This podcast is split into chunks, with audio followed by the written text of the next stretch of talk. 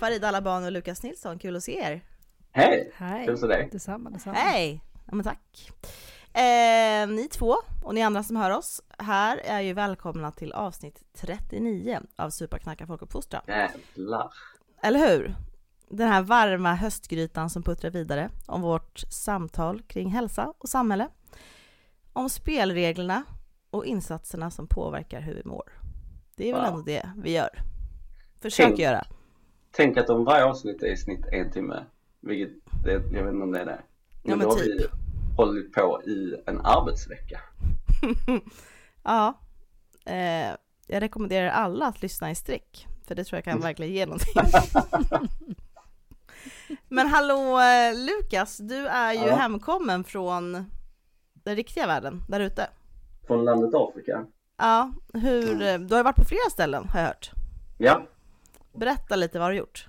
Kan vi Jag få var- höra, vi som bara har suttit kvar här.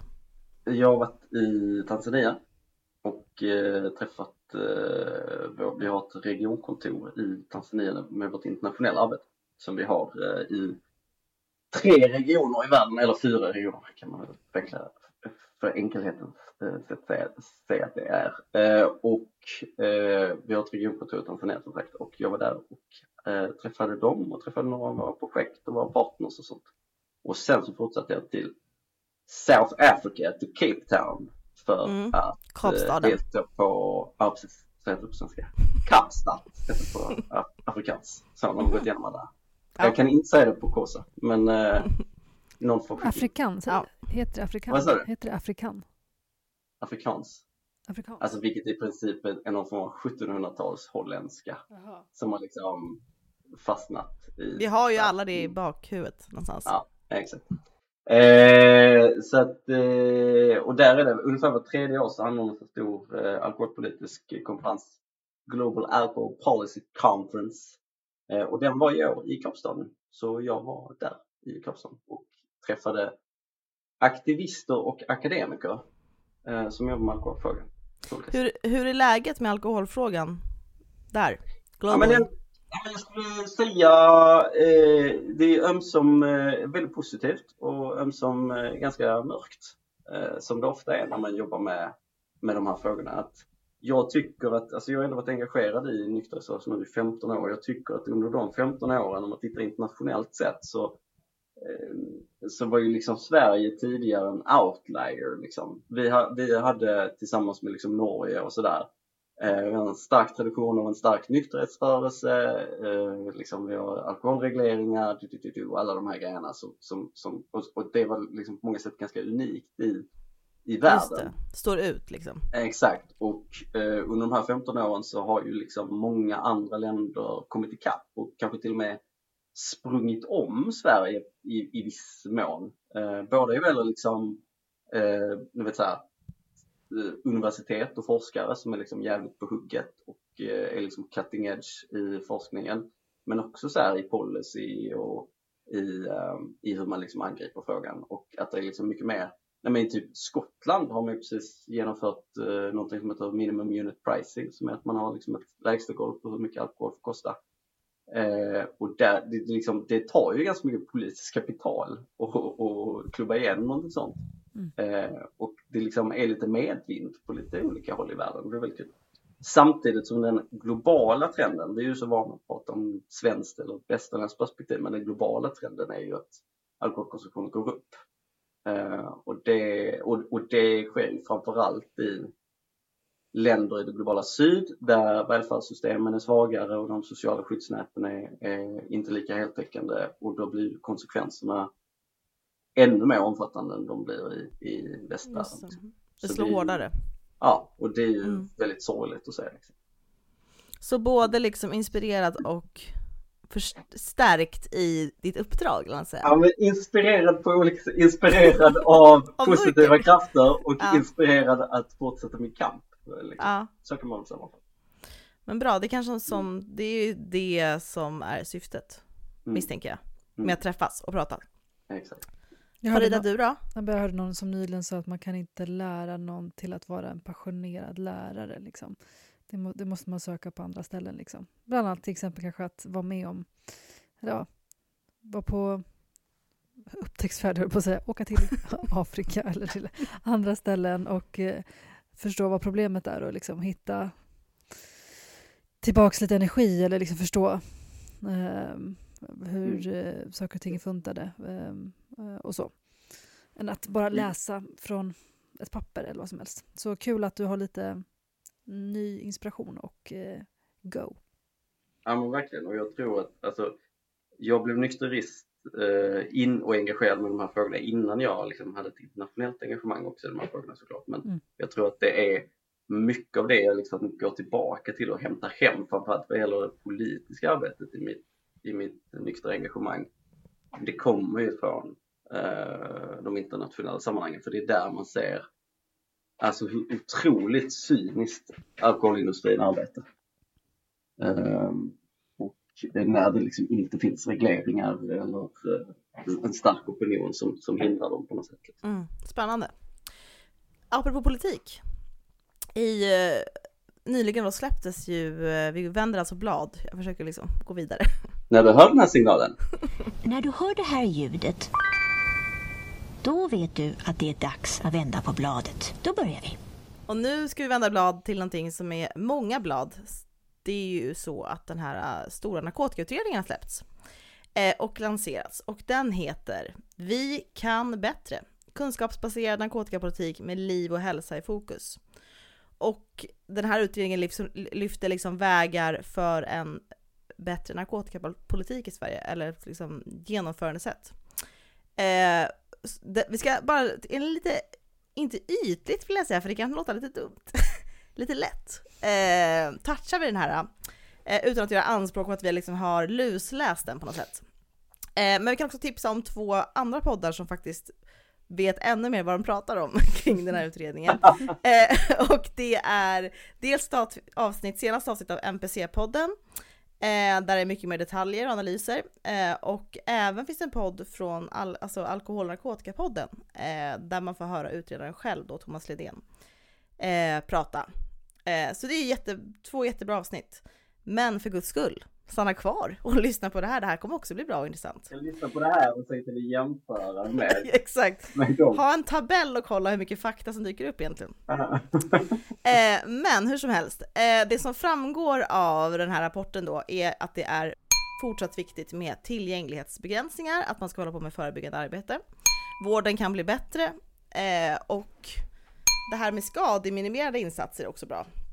Och man kan säga att det finns väl liksom ett brukarperspektiv liksom över det här att man vill ha, man ser liksom människan i missbruket. Man ser människan, alltså det finns en human en humanism i rapporten. Eh, man ser liksom att folk behöver hjälp. Det är, folk behöver inte bara bli slagna på fingrarna utan kanske behöver öppna famnar. Så, men kontentan är väl liksom att så få, ska börja, så få ska börja med narkotika som möjligt. Och de som har gjort det ska liksom få hjälp att sluta innan de blir beroende. Och tillgången ska också minskas. Eh, men det är också fokus på lite mer sådana här skadelindrande insatser som till exempel Naloxon, alltså det här nässprayet. Att det bör spridas ännu mer, att till och med kan ge, ges ut av folk som inte jobbar inom vården. Eh, och att liksom behandlingsmodeller behöver bli tydligare. Eh, Farida, du som är inne och du jobbar ju också lite mer narkotikapolitik Precis. dagligdags. Ja. Vad, hade du några första tankar kring det här? När det släpptes? När det släpptes? Nej, men jag, det var under min lediga vecka som detta hände. jag jobbar ju bara varannan vecka. Så att därför har jag ingenting att säga. Um, Ja, men så. Byt podd till de andra två jag tipsade om. Exakt.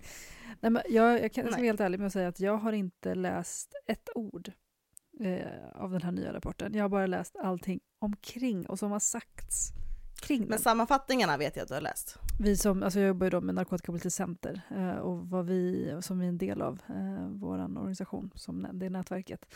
Eh, och vi har väl vissa särskilda fokusområden helt enkelt som vi eh, gärna vill titta på. Liksom, och vissa ord som vi då säkert vill, eller som vi då mm, är mer intresserade av. Alltså hur ser det ut med det förebyggande arbetet och hur ser det ut med, eh, med tidiga insatser och, mm, och sådana saker. Eh, Medan andra som kanske läser den rapporten vilket varit väldigt tydligt, har sökt sig efter andra ord. De har liksom gjort kontroll F och sökt på helt andra saker än vad jag har tror jag. Um, Så som en debattör jobbar med nu? Ja men exakt, exakt. Du har ju kollat på liksom reaktionerna, du gillar ju debatten. Mm. Eller hur? Vad är det du har sett där? Vad, vad är det folk har diskuterat när den här narkotikautredningen släpptes? Folk och folk. I media alltså? Det är främst män, vill jag säga. Alltså jag också försökt kolla på så vilka, vilka, som, vilka skribenter, inte för att uh, köna folk och så, liksom. men det här är ju, narkotikapolitik i stort är ju en väldigt maskulint dominerad fråga. Det är liksom mycket män som är i debatten uh, och som, som tycker saker och ting. Det kunde man läsa av, av Eh, Eh, av en annan eh, skribent som just skrev det här med att, att eh, psykedelika till exempel, det är någonting som intresserar sig, eller där mycket män är intresserade av, av att eh, ja, diskutera och framhäva alla positiva effekter och så. Liksom. Eh, och Svenskan speciellt då, en sån tidning som Svenska Dagbladet som har skrivit väldigt mycket om det här, deras liksom, Eh, både att de har publicerat artiklar relaterat till narkotikautredningen men också själva eh, olika skribenter då, som har skrivit om det. Eh, DN har inte sett lika, liksom, faktiskt inte sett någonting förutom en insändare av en hundägare som tycker att det är dags att ha brukarrum för att, eh, ja, bland annat om man tänker på brukarna, att det är tufft för dem att de behöver vara någonstans eh, vara någonstans när de brukar eh, initierar eh, narkotika och så. Men också att, hund, att hundar slipper ehm, bli skadade av sprutorna liksom och sådär. Ja, men mycket liksom att, Okej, okay, jag fattar, jag fattar. Jag förstår ingången. Du förstår ingången, okay. precis. Mm. Så det var alltså, den... Tass, var den, tassförebyggande. Ja men exakt, det var den insändaren jag läste i alla fall på DN. Så det, det, var liksom så, så mycket DN intresserade sig för den frågan. Man kan säga så här, är man eh, intresserade av avkriminalisering och en mer eh, liberal eh, narkotikapolitik så är många av dem idag rätt glada och överraskade över vad utredningen kommer fram till. Mm -hmm. Många av dem har ju då precis innan utredningen när den kom sagt, eh, varit kritiska till att hallå varför ska inte de utreda eh, eh, lagändringar och kollat på just, eh, undersöka just eh, kriminaliseringen eller, eller konsekvenserna av att kanske införa en avkriminalisering i Sverige. Det har varit väldigt mycket fokus på vad, vad liksom just den här utredningen inte ska göra snarare än vad den ska göra, fast den liksom har supermycket som, de, som, som har varit på deras bord. Liksom. Sen nämner jag också den här utredningen att eh, det kan finnas ett värde att just också undersöka liksom i framtiden konsekvenserna av kriminaliseringen som man har eh, ja, som, har, som är och råder i Sverige. Liksom. Vad, vad blev det av det? Um, men som många, även nu då, eh, är glada, tycker att det är överraskande och, och, är glada för att den här utredningen pratar om eh, och vad är de glada för? De, de pratar om att, speciellt du nämnde ordet skademinimering som vi annars använder oss av, men här pratar man om skadereducering. Och man säger inte minimering utan reducering, vilket liksom det kan vara intressant ändå att, att tänka på. Nu, nu, jag vet inte om det är något så här, man har kommit överens om att man snarare ska använda sig av det ordet. Jag, jag, jag liksom historiskt mer eh, vad jag känner till så är liksom minimering det som har använts och nu pratar man om reducering och det, det, det finns ändå någonting i det tror jag. Att så här, vi vill reducera skadorna, vi vill liksom inte bara minimera dem. Liksom att, att man då kanske, minimering skulle också på ett sätt kunna eh, vara ännu mer radikalt, även fast man också kan vara kritisk till det. Men man ska reducera dem, man ska minska skadan och se till att de inte är så många. Eh, Uh, ja, så att man pratar i alla fall om skadereducering och det är någonting som många då är positiva till och tycker att det är bra. Vi måste gå ifrån den här nollvisionen eller det som man tidigare pratat om, eller som finns då, att ett samhälle fritt från narkotika. Det tycker många då inte är realistiskt och det menar den här utredningen att vi måste gå till ett samhälle med minskade skador av narkotika istället för att det ska vara fritt från narkotika. Det är ändå ett skifte kan man väl ändå säga. Uh, ifall det nu blir så, liksom, eller att den skiftar i synen på narkotika och hur också samhället ska hantera narkotika. Och det är någonting som många av de här eh, skribenterna är positiva till och tycker att det, det på god tid, eller det, liksom äntligen eh, eh, händer det här. Och är det någon som säger det som behöver sägas så vi ska gå in också lite mer kanske på just titeln till den här eh, utredningen. Men det, bara den i sig säger ganska mycket liksom om hur, hur eh, eh, synen på narkotika kanske har förändrats och hur, hur också utredaren har påverkats av, av eh, ehm, attityderna som finns i samhället av både föreningar och, och eh, andra debattörer men också internationellt hur, vad som händer i narkotikapolitiken. Eh, alltså vi ser ju legaliseringar omkring oss, avkriminaliseringar i, eh, globalt och så. Um, och det är någonting som många av de här skribenterna eh, väldigt mycket fokuserar på. De pratar fortfarande att så här, bra att det här görs, liksom, men då, vi skulle behöva en avkriminalisering för att göra en del av de här sakerna. Liksom, eller att så här, vi måste utreda utreda det. Liksom. Så det är ganska trötta. De är, egentligen, många av dem säger väldigt mycket likadant. Eh, Sen så säger vi ju själva liksom, MPC att det är en väldigt bra utredning och det som också är synd att många av de andra debattörerna inte pratar om det är ju eh, de förebyggande insatserna som, den, också det här för, som, som föreslås här de är inte så intresserade av den. Alltså, jag skulle kunna summera det till att, att det, det debattörerna vill det är att spara resurser eh, hos polis och rättsväsende. Man pratar om att alltså, vi måste ju liksom minska, de måste lägga tid på annat. De kan inte hålla på och liksom, ta någon som, Jaga. som liksom festknarkar eller så. Det, det ska de inte hålla på med. De vill få slut på moralismen. Det, det, det, det måste vara nog med det. Eh, Men gud, vilken härlig insats. Exakt. Är vi inte många? Nej, Exakt. Ja. Eh, man måste hålla på med det som funkar, tycker de. Vi har hållit på med saker väldigt mycket som vi inte har någon koll på, som vi inte har någon grund för. Det är dags för oss att hålla på med kunskapsbaserade åtgärder.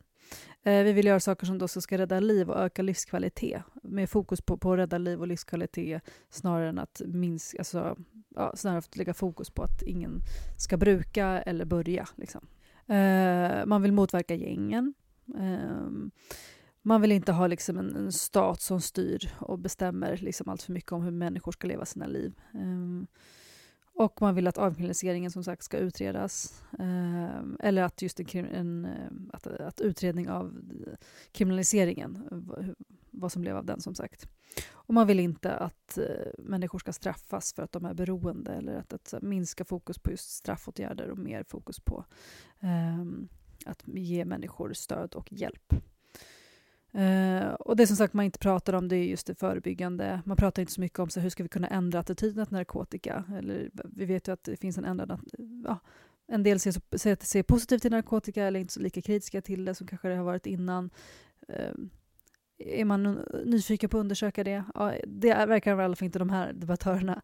Typ så skulle jag väl kort uh, summera det. Några frågor på det? kort det är ju intressant att alla kan hitta någonting och alla kan vara liksom nöjda med en rapport mm. eller en utredning. Jag tycker ofta brukar det kanske smälla lite hårdare med lite mer Alltså det, det, den är väl ganska bred liksom i förslagen, alltså den är uppdelad på liksom förebyggande mm. kommuner, regioner, liksom politiska, vad ska Socialstyrelsen mm. göra? Det liksom handlar inte om att man har utrett ska man få köpa sitt eget bruk eller inte, utan det är ju snarare allting annat som ryms i narkotikapolitik, mm. tänker jag. Mm. Eh. Men jag, tänk, ja. jag tänker att det som är spännande med den här utredningen, för att jag håller med om den bilden att så här, alla verkar nöjda med den här mm. utredningen. Fast man verkar nöjda med den från lite olika mm. perspektiv. Mm. Och det har att göra med hur narkotikadebatten är, är, är, ser ut idag i Sverige. Och jag skulle säga att det finns två, ja, det finns, om man förenklar eh, så finns det två krafter i samhället ja, det finns ju kanske någon kraft till. Men, men jag tänker liksom de, krafterna, de krafterna som, som jag tycker är relevanta att nämna, så kan man säga. Det finns två krafter i samhället i narkotikapolitiken.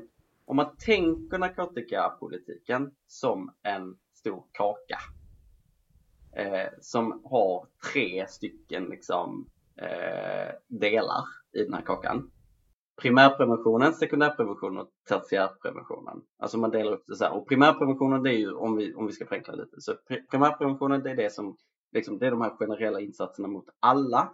Det, där ligger liksom det allmänna konsumtionsförbudet, eh, beivrandet av det, eh, allmän så här typ eh, förebyggande arbete ute i skolorna och liksom att se till att folk inte börjar med narkotika från första början. Det är liksom primärprevention. Sekundärprevention är väl mer liksom selektiv prevention där man inser att så här, här har vi en riskgrupp, här har vi till exempel unga på glid. Då försöker vi liksom få dem att komma back on track. Liksom. Och sen har vi tertiärpreventionen som är liksom kanske mest, mer insatser då mot folk som redan har ett ganska utbrett problem eh, problembeteende. Ja, problembeteende ska jag inte använda, men, men liksom ett, ett ehm, ett missbruk till exempel. Eller så. Och då är sådana saker som brukarrum eller eller sprututbyten eller liksom sådana saker. Det är tertiär prevention. Kan du det igen? Tertiär eh, prevention. Det är det svåraste jag. Varje gång jag ska säga så jag säger alltid jättefort. Tertiär, det där. Tertiär prevention. Tertiär prevention. Eh, och jag tänker så här att om, om man ser narkotikapolitiken som kakan då med de här tre stycken mm. olika och att det finns liksom eh, ja, men, ni ser ett cirkeldiagram framför er med liksom de här uppdelningen.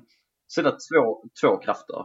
Den ena kraften, det är kanske den kraften som liksom vi i det här rummet eh, ofta förespråkar och det är ju att den här kakan ska liksom växa. Mm. Att det handlar inte så mycket, det är klart vi kan göra liksom vissa justeringar, vi kanske ska fokusera lite mer på sekundärprevention, lite mer på tertiärprevention. Men det viktiga är generellt sett att kakan på det stora hela växer. Brödet jäser. Exakt, exakt. Eh, och sen så den andra gruppen som är den här drogpositiva, drogliberala gruppen. Där handlar det mer om som liksom de som Farida pratade om nu, liksom de här drogliberala debattörerna. Där handlar det mer om att så här, montera ner primär och kanske till och med sekundärpreventionen. Eh, och, men bygga ut tertiärpreventionen för i deras liksom, eh, eh, värld så är liksom drogbruk i sig inte ett problem Eh, utan det handlar om att så här, sätta in insatser när folk håller på att fara illa så att säga. Eh, så då handlar det om att liksom montera ner framförallt primärpreventionen, montera ner förbudet, montera ner generella insatser, montera ner tju, tju, tju, tju, och sen fokusera på att ge folk stöd och hjälp när de redan har ett utvecklat beroende.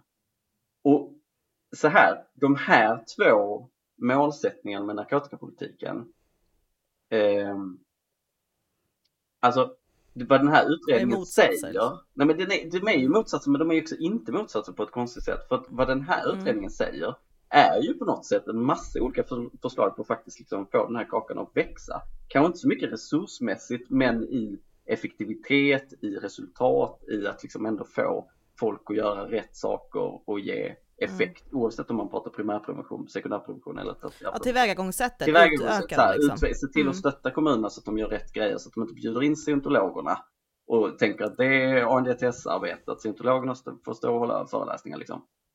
Um, alltså sådana saker som, som, som alla tycker är bra grejer. Men det finns också de som läser in en, ett skiftande av balansen eh, till mer fokus på framförallt tertiär prevention eh, i den här utredningen och därför är de positiva. Eh, och det tänker jag, det är liksom inte helt okomplicerat. Och det kommer också in i det här, jag vet inte om det var du Kerstin eller Farida som tog upp det, det här med att utredningen också föreslår liksom en, en förändrad grundutgångspunkt, en förändrad grundmålbild eh, kring eh, kring eh, eh, eh, eh narkotikapolitiken. Där det går från liksom ett, ett strävande efter ett narkotikafritt samhälle till ett strävande efter ett samhälle där narkotikaskadorna är så, så låga som möjligt. Och det kan tolkas som ett nedmonterande av primärpreventionen. Det behöver inte tolkas på det sättet, men det kan tolkas på det sättet. Jag kan ju tänka från mitt perspektiv att ja, ja, det är väl inget problem att ha den målbilden för att om grundutgångspunkten ändå på något sätt är att ja, men desto mer folk, desto fler som använder narkotika, desto mer de använder narkotika, desto större kommer skadorna bli. Därför finns det fortfarande en roll i att liksom minska den totala narkotikakonsumtionen i en sån målbild. Men om man däremot har liksom världsbilden att så här, narkotika i sig är inget problem, det är när folk utvecklar ett beroende Eh, som det blir ett problem. Då är ju en sån målbild kan ju liksom användas och tolkas för att liksom montera ner primärpreventionen i, i, till liksom förmån för tertiärprevention.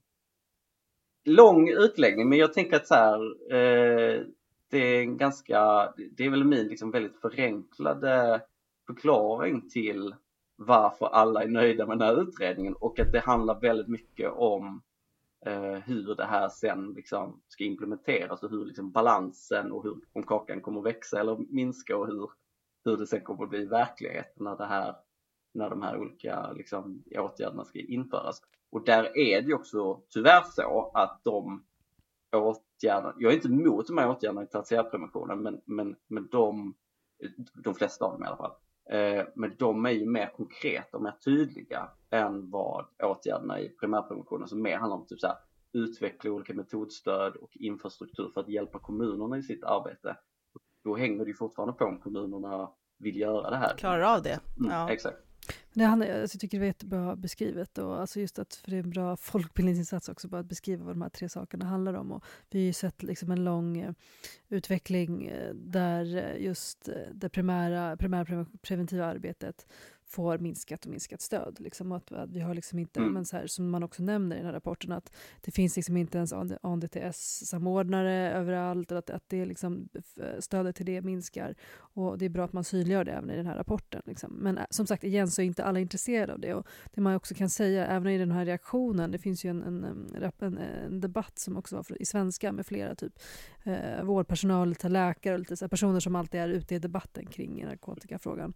Jag kan bara ge ett exempel. När jag pluggade folkhälsa så brukade våra lärare säga att så här, läkarna kommer inte tycka om er. Eh, brukar de säga. För att så här, det ni håller på med det är ju att se till att de inte får liksom, några kunder eller några patienter. Liksom. Eh, de vill ju kunna fortsätta sitt arbete och känna sig behövda. Liksom. Ja, men så här, mm. alltså, lite för att vara lite provocerande, men ni förstår vad jag menar. Att, att så här, ett samhälle som väl, lägger väldigt mycket fokus på det förebyggande arbetet och på folkhälso, folkhälsa i stort eh, kommer i slutändan se färre patienter. Liksom. Men vi är ju inte där och även de rösterna som man ser liksom, är ju också många gånger det är läkare. Alltså igen, inget illa mot dem. Men, men där de ser kanske både skadorna på, på ett sätt och, och man, man liksom fastnar i ett visst fokus på liksom, den personen i eh, som, som idag redan brukar och liksom glömmer, ser kanske inte de unga eller så. Nu säger inte jag att det är all vårdpersonal i stort så, som tänker så. Liksom. Men, men vilka är det som, alltså det vore intressant att bara liksom granska vilka är det som eh, är en röst i den här debatten och vad har de för bakgrund? Liksom? Alltså pratar du med många som jobbar med tidiga insatser med, med skolan, i, i, eh, alltså i kommunerna och så, så har de en helt annan bild. Liksom. De, de, de, de tycker att, att, att eh, de ser många problem eh, men att de inte får stöd. De, liksom, de, de blir då liksom en, en droppe i havet i vad egentligen... Jag ser ett ökat behov. Liksom, ja, men exakt, exakt. Precis. Jag håller med om det, att den liksom utgår från det narrativet. Men, men den utgår också inte från det narrativet i andra änden, men det handlar ju också om att eh, det är klart att så här, eh, hade de skrivit, eh, hade den hetat Förebygg mer, mm. Eh, en riktad narkotikapolitik för att minska skadorna av narkotika, bruk och skador av narkotika eller någonting sånt. Då hade det ju och sen innehållet exakt samma liksom förslag och, och, och, och, innehåll så, så hade det varit en lika giltig eh, titel som, det eftersom ryms, den ja. också hade speglat innehållet mm. av utredningen. Men den här titeln och den här undertiteln är ju liksom en tydlig liksom vink till en viss sätt att framea den narkotikapolitiska debatten. Eh, det håller jag verkligen med om. Och, åt det hållet. Eh, skola, eh, nykterhetsrörelse, liksom eh, den typen av, av, av värld de har liksom sett så här, ah, ja, primärpreventionen är det viktigaste, mer resurser hit, satsa på det här eh, och liksom sett tertiärpreventionen typ som ett hot eh, mot den verksamheten. Och på samma sätt så har man kanske liksom om man jobbar längst ut i ledet och eh, liksom jobbar med att se till att liksom folk som har ett, har ett djup missbruksproblematik att få in dem i olika typer av behandling eller ge dem stöd eller se till att de får en bostad eller vad det kan handla om. De kan se eh, några av de sakerna som har effekt i primärpreventionen men som kan få negativa konsekvenser i, i tertiärpreventionen. Det klassiska exemplet är kriminaliseringen då som eh, troligtvis skapar någon form av stigmatisering. Sen hur stor den stigmatiseringen är, den kan man alltid eh, diskutera. Alltså hur mycket kriminalisering i sig bidrar till stigmatisering. Mm. Men men någon, någon aspekt eh, bidrar den ju till, till stigmatisering i deras led. Och så har det liksom blivit en, en, en, konflikt här mellan de här olika delen av kakan. Och där tycker jag att eh, många eh, mer restriktiva organisationer, däribland eh, stora delar av nykterhetsrörelsen, har faktiskt gjort en ganska stor resa de senaste åren där man liksom slutat se den här ganska destruktiva konflikten och snarare försökt titta på hela kakan och titta på så här, men vad är det, det viktiga? Det är klart att det finns, vi kan diskutera vissa åtgärder, är de destruktiva, är de, är de bra, är, får de, har de kontraproduktiv effekt före mm. eller efter i ledet så att säga. Men det viktiga i sig är inte liksom att stå och bråka om vi ska satsa på skademinimerande insatser i sista ledet eller allmän prevention utan det viktigaste är att få hela kakan att växa och få både snappa upp och minimera skadorna i sista ledet och jobba med att så få människor som möjligt eh, börja med narkotika. Liksom. Jag tycker också att det är intressant eh, att om man grottar ner sig i ett område som till exempel då narkotika eller missbruk eller vad som helst så alltså det finns ju alltid saker att göra bättre. Jag tänker så här, samhällssystemet, debatten påminner lite om det, det har varit så, man skulle kunna få en känsla av att det har varit så dåligt, vi kan bättre än det här dåliga vi har gjort. Men jag tror att så skulle man kunna säga liksom man kan väl ha bättre liksom försörjningsstödssystem i Sverige också. Man kan väl ha bättre organisation på hur vi organiserar idrott för barn i, alltså det, det mm. finns liksom eh, hur vi organiserar vårt samhälle, det kommer alltid finnas saker som inte fungerar eller som har fungerat dåligt eller som vi trodde var bra men det slog ut på det här sättet så att man vill också så här, ja men vi kan bättre, här vi kan bättre är ju, gäller ju många områden liksom. Det här är bara en del av hur vi som eh, strukturellt försöker organisera oss liksom.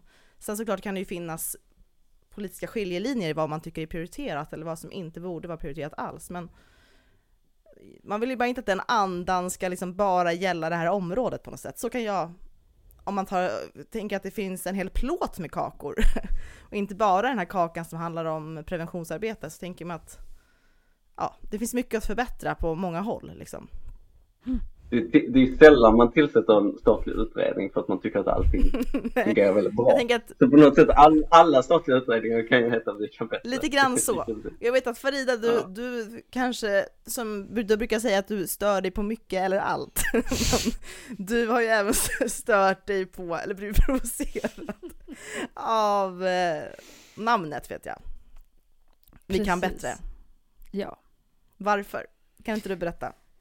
Alltså utredaren har ju eh, behövt flirta med många, om man säger så. Och, och, ändå lyckats nu till exempel få många med sig. Men de viktigaste, tror jag, för utredaren, eh, tror jag att de har känt att så här, de viktigaste för oss att få, att få med oss är de som har varit så starkt emot oss. De som är så starkt emot den nuvarande lagstiftningen, den nuvarande narkotikapolitiken.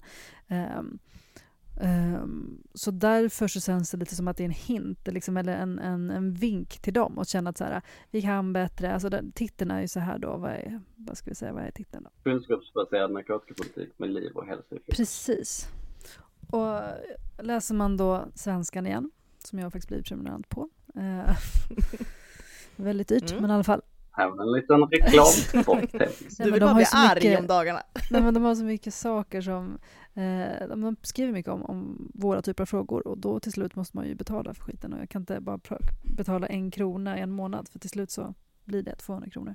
Och där är vi idag. I alla fall, eh, en av deras skribenter heter då Mattias Svensson, en person som många känner till som är väldigt intresserad av, av eh, folkhälsofrågor eh, på sitt sätt. Eh, med, med folkohälsofrågor skulle jag hävda. Mm. Ändå en rolig person. Eh, han skriver så här. Redan titeln Vi kan bättre, kunskapsbaserad narkotikapolitik med liv och hälsa i fokus säger oss två saker. Det strikt förbudsbaserade svenska narkotikapolitiken eh, har för det första inte varit bra och för det andra varken varit kunskapsbaserat eller haft människor, liv och hälsa i fokus. Mm. Det är liksom så som många som Mattias känner. Och det är därför jag tror att det också varit viktigt för dem att Alltså jag tror inte den här liksom, titeln har bara kommit ur en slump, utan så här, det har nog valts väldigt noggrant. Vad ska det här heta? Hur ska det liksom presenteras? Um, så precis som du säger Kerstin, så jag menar, det är mycket man, många utredningar som skulle kunna heta Vi kan bättre.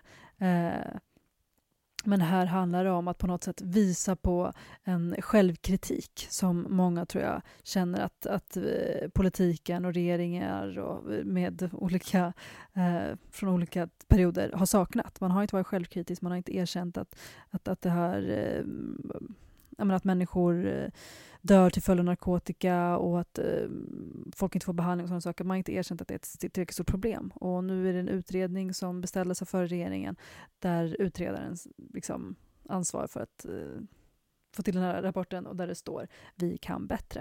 Eh, det hade kunnat stå väldigt mycket där. Eh, alltså som, som också kunde ha skickat olika signaler. Eh, men det har man inte valt. Eh, som sagt, så det, jag menar det, det, jag är inte emot att säga att vi kan bättre, för vi kan, jag håller med att vi kan bättre. Men vi har det bra. vi har det bra. Låt oss fortsätta tuffa på. Nej men och igen då. Och det är med, ingen fara. Ja, men så här, och vi kan bättre och kunskapsbaserat. Vad betyder det då? Betyder att vi inte har hanterat saker med, fokus på kunskap tidigare. Precis som Lukas sa, är det liksom, för, är det liksom en kritik till scientologerna och de, de, den utbildningen som har varit sko i skolorna? Eller är det någonting annat. Liksom. Jag skulle säga att det inte bara är scientologerna man är kritisk till utan att det liksom är eh, fler insatser som man menar inte har varit tillräckligt bra. Alltifrån, som Thomas Lindén, eh, utredaren själv säger, att alltifrån hur civilsamhället har bedrivit eh, eh, egna behandlingar eller liksom eget arbete har inte alltid vilat på eh, evidensbaserade, eh, evidensbaserad kunskap. Liksom. Um, och även andra. Liksom. Um, där är man kritisk till och vill att det, det ska bli bättre. Um, och sen då, å andra sidan, är det, å andra sidan är, det inte, är det ju få som inte skriver under på att kunskapsbaserad politik, eller narkotikapolitik Nej, med liv och hälsa i fokus. Jag menar, det skulle ju lika kunna vara ett uttalande från någon mm. av er. Liksom. Men det är det jag menar. Men varför skriva det ja. då? Om man vet att de flesta tycker det. Jo, för att man, behöver, man känner att det är, det är liksom de här argumenten, som jag, det var därför jag nämnde i början att, att, att just, jag bara går in i försvaret, bara, men just för att de här andra debattörerna och, och, och, aktiva inom de här frågorna, de säger hela tiden, det är den svenska narkotikapolitiken, den baserar sig på, på den är inte evidensbaserad, den är inte liksom. evidensbaserad, den är liksom, det hittar på.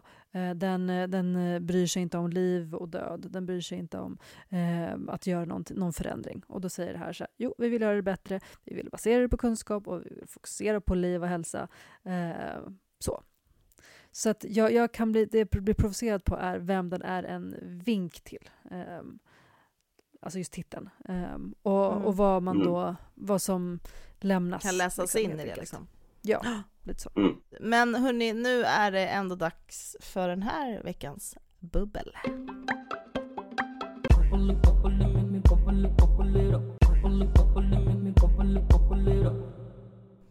Hörni, jag var ju, fick ju lära mig någonting nytt. Eh, som jag, ni säkert redan kan som experter. Eh, jag var på en intressant föreläsning idag, kunskapsdag, om, eh, där bland annat diskuterade liksom priset på narkotika. Eh, mm. Och det här var för mig ändå, jag kunde liksom saker som jag kanske, jag, jag brukar inte vara jätteförtjust i grafer eller vad man ska säga. Men när grafer är tydliga så tycker jag om dem. Och här var det då grafer över liksom de fem vanligaste mm, narkotikasorterna. Sorterna. Eh, märkena, nej men sorterna blir det ju, arterna. Eh, och det var liksom prisutveckling och det var en tydlig kurva på varenda, det var liksom amfetamin, kokain, cannabis, heroin, de som alla kan, eller man ska säga så. Oavsett, ja, nej men det var det inte. Eh, oavsett. De här kurvorna pekade åt ett och samma håll, tror ni det var upp eller ner i pris? Down, down, down. Down, down, Det var liksom tydliga nedförsbackar. Ibland nedförsbackar som skulle varit ännu tydligare om man liksom också hade ju avvägt för liksom hur mycket kronan är värd. Alltså det kan se ut som att det har minskat med 50% i pris, men räknar man in vad 400 spänn var på 70-talet och tänker nu vad, vad motsvarar det idag så hade det kanske varit en det hade inte bara varit en nedförsbacke, det hade varit liksom en klättervägg. Lite de var inte inflationsanpassade de här priserna liksom. De var bara ja men det hade varit var verkligen så dalande på varenda en och när man också vet att liksom potensen eller liksom styrkan i alla de här narkotikapreparaten eller liksom växt, växtdelarna är också så pass mycket högre så är det ju liksom en det är en motsvarande siffra åt andra hållet liksom. Om inte ännu mer brantare. Det tycker jag, alltså det skulle jag vilja Mm, det, det vill jag bara lyfta och skulle vilja att det lyftes ännu mer. Det kändes som att det var väldigt det var roliga grafer, det enda jag kan säga. Och fler behöver se de här, och jag tror det skulle påverka mycket mer om liksom en allmänhet fick se det på ett sätt som var tydligare. Kanske SVT kan göra något sånt här coolt edit-program, de brukar göra det ibland. så alla vi dummies ska fatta. Kanske kan de ta de där graferna och göra något kul. Det är bara en idé jag skickar vidare. Bara, förlåt, nämnde de det som ett sätt, alltså att, som en förklaringsmodell för hur också folk brukar? Eller att folk brukar då? Ja, alltså Att att det påverkar, så, såklart påverkar ju väldigt mycket att, man, att det har blivit liksom mer eh, tillgängligt både, både liksom fysiskt eftersom flera råd eh, och tillgängligt mer fysiskt som att det är lättare att få tag på och mentalt att det är mycket mer närvarande. Alltså de såg det som en eh, och en indikation på massa andra saker. Priset kunde berätta liksom 15 andra grejer som man kunde börja analysera så att bara det var ju Mm. en rolig eh, dörröppnare för liksom, narkotikafrågan utöver liksom, lagstiftning och mer handlar om bruket i sig och hur vi fungerar som grupp i det här. Mm. Skitintressant verkligen. Jag nämnde ju i eh, inledningen här att jag varit i eh, det stora landet Afrika. Eh, och eh, då var jag först i eh, Tanzania, i Dar es Salaam. Hade lite möten. Mm. Sen hade vi en, eh, eh, en eftermiddag som var lite så här teambuilding, göra någonting kul. Och vad gör vi då? Jo, då åker vi strax utanför Dar es Salaam eh, och eh, vandrar upp för ett, ett, eh, en bergstopp. Eller en, ja, berg Kulle. Men en höjd. Mm. En höjd. En, en, en brant kulle Mm. i 30 graders värme. Och så eh, kämpar man sig upp där, är jättesvettig och jättevarm och eh, tänker eh, vad gör man det här för? Men eh, det är ju sånt som man gör. Och sen så åker jag till Sydafrika och är i Kapstaden, kommer en dag innan konferensen börjar. Tänker vad ska man göra i Kapstaden i en dag? Eh, de har ju jättemycket berg runt om stadskärnan, bland annat ett, ett känt berg som heter Table Mountain. Vad gör jag då? Jo, Tar dig upp, jag klättrar, klättrar upp på det här klättrar eller går du? Och ja, för också där i valet mellan de här, där man har så här typ ett halvdussin uppgångar. Så kan man ta så här, den lätta promenadstråket eller ska man ta du kommer typ dö eh, eh, eh, slingan som verkligen är att man typ alltså stundtals klättrar upp för så här tre Mhm, meter det- Okej. block men liksom och sådär.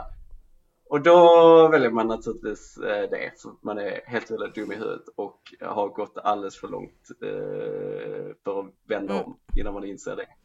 Eh, och sen så kommer man upp på den här toppen och så är man helt död och så tänker man vad gjorde jag det här för? Och så precis så möter man liksom en liten inskription av den första europeen som klättrade upp där. Som var typ så här typ samma år som europeer kom till Sydafrika överhuvudtaget. Mhm. Så att det är liksom någonting i oss som är eh, väldigt, väldigt glada i att bestiga höjder. Se sina ägor. Eh, och jag, jag tänkte att det var liksom att jag var skåning. Och det är det mest exotiska som finns att göra. Det är att bestiga en höjd. Mm. Men jag tänker att det är något allmänt mänskligt. Överblick. En, en, få en överblick, men också den här känslan av prestation. Att man ändå gjort någonting. För att när man kom upp där på Table Mountain i, i Kapstaden då, då mötte jag ett, ett eh, par. Eh, och så började vi prata lite. Och så hade de tagit liksom eh, kabelliften upp. För det finns en sån här, eller vad heter det? Cable, alltså Ja, en, ja, ja. men en lift Mm. En gondol. Eh, och så frågade jag så här, men varför tog du inte bara gondolen upp? Och då hade jag liksom inget svar. Utan bara stod där typ helt genomsvett och solbränd och bara Du bara, äh, se på mig, död, ser du inte typ. varför? Jag har bara- gjort någonting. Ser du inte att det här är liksom det vi är ämnade för att göra? Mm. Ehm, nej men och det, det jag skulle säga var att jag tänker att det ändå finns någonting väldigt mänskligt i att känna att man liksom uppnår någonting i sitt liv. Och eh, att jag tänker att i en allt liksom större värld som blir mindre, om ni förstår vad jag Mm. menar. I, där liksom konkurrensen är högre och alla jobb blir mer abstrakta och omvärlden blir mer och mer cynisk kring att så här, ah, vi kommer ju aldrig lyckas med någonting, bla bla bla. Eh, så tror jag att liksom fler och fler människor söker sin lilla personliga höjd. Vad är det man kan egentligen göra för att känna att man har uppnått någonting? Eh, kommit upp på den här lilla höjden. Eh, och det tänker jag är en viktig del i att bygga det goda samhället. Att se till att det finns de här lite tuffa strapatserna men som ändå ger en inre tillfredsställelse varpå samhällets grundvalar vilar. Eller vad är det Karl-Bertil Jonsson brukar säga? Man kanske tänker att, här, att jag vill att man är en person som tycker om utmaningar och ja, men bestiga berg. Men, men det är också höst. Och då känner man att man vill ha kramar. Och man känner att, så här, att men nu kanske jag vill hålla på med njutning mycket. Saker som verkligen bara är nice och så här, det är som smör. Det ska vara glida, det ska vara enkelt, så lite motstånd som möjligt för att hösten annars är en käftsmäll som det redan är. Liksom. Man känner att man, jag och många tror jag, är, känner att eh, kan vi ta oss igenom hösten så har vi gjort en stor bedrift bara det. Liksom. Eh, Årstidsbedrift. årstidsbedriften, precis. Så jag tänker att vad jag ska bjussa med är någonting som jag har gjort här hemma i familjen och jag tänker att jag kan dela med er. Det är en må bra-lista för att stå ut, för att palla. Sådär. Mm. Vad tror ni om det? Mycket sugen. Jag tar fram penna och Ni får papper. jättegärna fylla på om det är, jag har missat någonting. Alltså jag har ju också gjort faktiskt sökningar. Jaha, du har liksom inte sökt, sökt ditt inre av erfarenhet utan Nej, jag har inte bara kollat med mig själv utan jag har också du bara, det var en, en låst Aftonbladet-artikel. Ja, för en del var faktiskt låst. Det är mest må bra Expressen som brukar vara låst faktiskt. Men eh, det har sökts allt ifrån på L till andra sidor. Mm. Och då kommer jag fram till den här listan. Så här är den. Vi börjar med den klassiska. Ibland tråkiga, men den är ändå viktig. Ta en Promenad. promenad. Mm. Det kan inte kännas, alltså, det är lite så här som, som Lukas precis pratade om. Jag ska inte hålla på och kommentera varje grej jag säger här nu, men ändå. Det, kan kännas som att här, ska jag verkligen göra någonting som känns jobbigt? Men man mår bättre efteråt, oftast. Man känner, Mm. det, är ofta, det är sällan man ångrar en promenad. I alla fall, dansa i fem minuter. Sätt på någon nice musik och bara gå loss i fem minuter. Det tror jag att man mår bra av. Jag mår bra av det. Jag med. Ha goda grejer hemma. Bara... Det kan vara hummus och morötter eller så kan det vara av annan karaktär. Ni avgör Det var det mest folkhälsostrategiska svaret någonsin.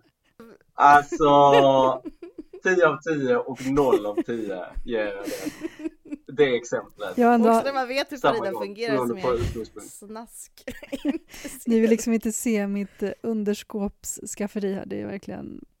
Jag bara tar, under, tar in en hand och får se vad, vad finns det där. Liksom. Vilka chokladbitar du kan få tag på. Precis. Morotsstavar. Träna i 15 minuter. Man kan också äta ett gott surdeg. Utan smör. Just det. Ja. Jag är faktiskt dock en väldigt mycket saltperson också, eh, vill jag säga. Så att det Ja, finns inte bara socker och salt. Ja. Precis. Eh, träna i 15 minuter. Meditera. Mm. Valfritt tid och sätt. Eh, det här som som jag har fått med mig från mitt tidigare arbete med rökavvänjning. Andas djupt. Också någonting som kan hånas, men if you do it you will know. Andas djupt i 15 minuter. Ta bara djupa andetag. Det finns några sådana appar där man kan liksom som en fyrkant, man så här, Jättestressigt tycker jag. Faktiskt kan vara stressigt. av.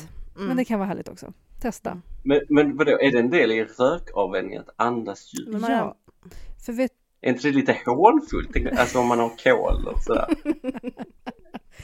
det är Eller? sant. Men, Men, men Eller jag tänker många har liksom problem med inte tvärtom andas. att många Ja. rökare, Mm. alltså inte alla, men är få personer som också stannar upp några gånger om dagen och tar djupa andetag. ja, men det är precis det vi pratar om. Att, så här, att fortsätt med det du gjorde förut. Gå ut utanför din dörr, någonting som kanske inte alla icke-rökare gör. Mm. Ta frisk luft. Men, och fortsätt med det där du gjorde med att andas in och göra någonting djupt, men gör det utan ciggen.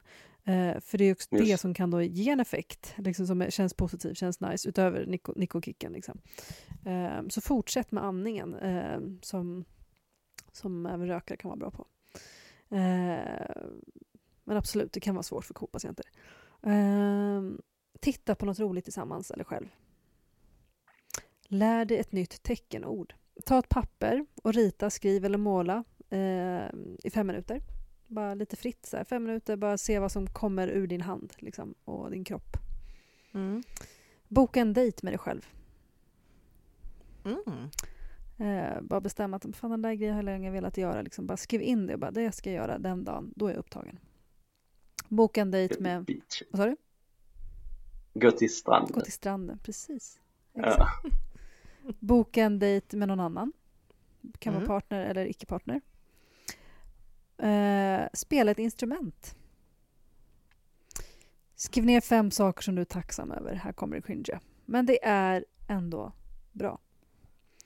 Fundera på en sak som du är stolt över eh, från senaste tiden. Må dåligt ifall du mår dåligt. Men också surfa med det. Som brukar säga också i rökavvänjningen, surfa med suget. Surfa också med den dåliga känslan. Den brukar inte alltid vara kvar så länge man tror. Utan den Mm. försvinner också. Eh, Surfa med känslan. surfa med känslan helt enkelt. Precis. Och alltså Mm. då träna på acceptans. Läs eh, 15 minuter ur vilken bok som helst som du har hemma. Lars Noréns dagböcker vill jag bara flika Till in. exempel. Mycket bara, lättläst. bara ta den boken eller liksom, och bara börja var som helst, mitt i boken bara. Eh, lyssna 15 minuter av eh, Vi kan bättre. exakt, Du kan börja var som helst. börja var som helst. Till exempel referenserna, gör det. Ja. lyssna på ett program eh, själv eller någon annan, liksom något eh, ljudaktigt samtidigt som Mm. du kanske dricker något varmt och är i duschen. Eh, spela ett spel, Men Ska man dricka någonting varmt samtidigt som man är Ja, men då har man ju bara öppen mun. Om man vill maxa, jag vet inte.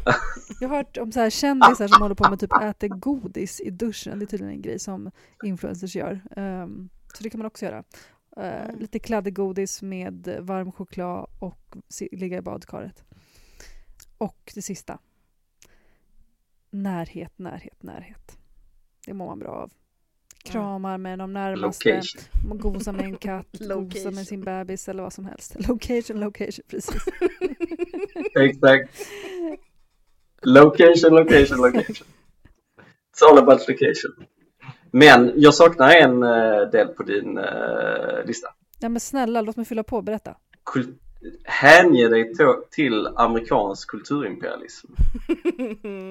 Alltså amerikanarna, de kan ändå höst.